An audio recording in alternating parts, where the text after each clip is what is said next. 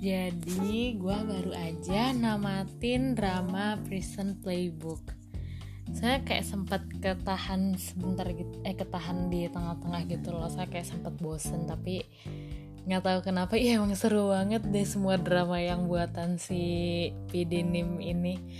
Dia kan yang buat uh, drama Hospital Playlist sama replay series juga dan emang kerasa serunya tuh pas udah abis gitu loh kayak ih seru banget ternyata dan drama Pleasant Playbook ini yang kayak apa ya mereka tuh gengnya tuh seru juga kayak geng di Hospital Playlist sama di Replay Replay 88 sih yang pernah gue tonton yang baru gue tonton. Tapi yang di sini tuh kadang sedihnya kayak mau kayak lagi mau sayang sama geng mereka terus nanti tiba-tiba salah satu dari mereka tuh pergi atau enggak bebas dari penjara atau enggak dipindahin penjaranya jadi kan emang kayak mereka tuh penjahat ya jadi kayak harusnya tuh mewajarkan aja gitu.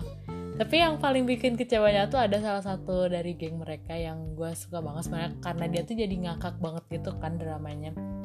Tapi ternyata endingnya dia tuh sangat eh, enggak sih bagi gue tapi kalau bagi gue sih sangat mengecewakan karena nggak sesuai ekspektasi gue tapi ya uh, at all semuanya tuh kayak apa ya bagus kok seru. Dramanya juga ringan gak berat-berat gak konflik yang ribet gitu yang ya sering kan menemukan drama yang berat banget sampai kadang mikir kadang nangis. Ini wah enggak ini mah ngangkak banget seru parah nggak bohong. Ya udah terbukti lah drama si PD ini tuh pasti bagus-bagus dan pasti orangnya itu itu aja. Kalau nonton drama mereka eh drama PD ini tuh pasti kayak pas uh, nonton drama itu kayak ketemu ih ini kan yang ada di drama ini ya yang ada di drama ini. Jadi kayak orangnya tuh ya itu itu lagi. Tapi ya seru sih jadinya ngakak. Dan oh iya baru inget jadi uh, eh, gue kan belum nonton Hai Bayi Mama.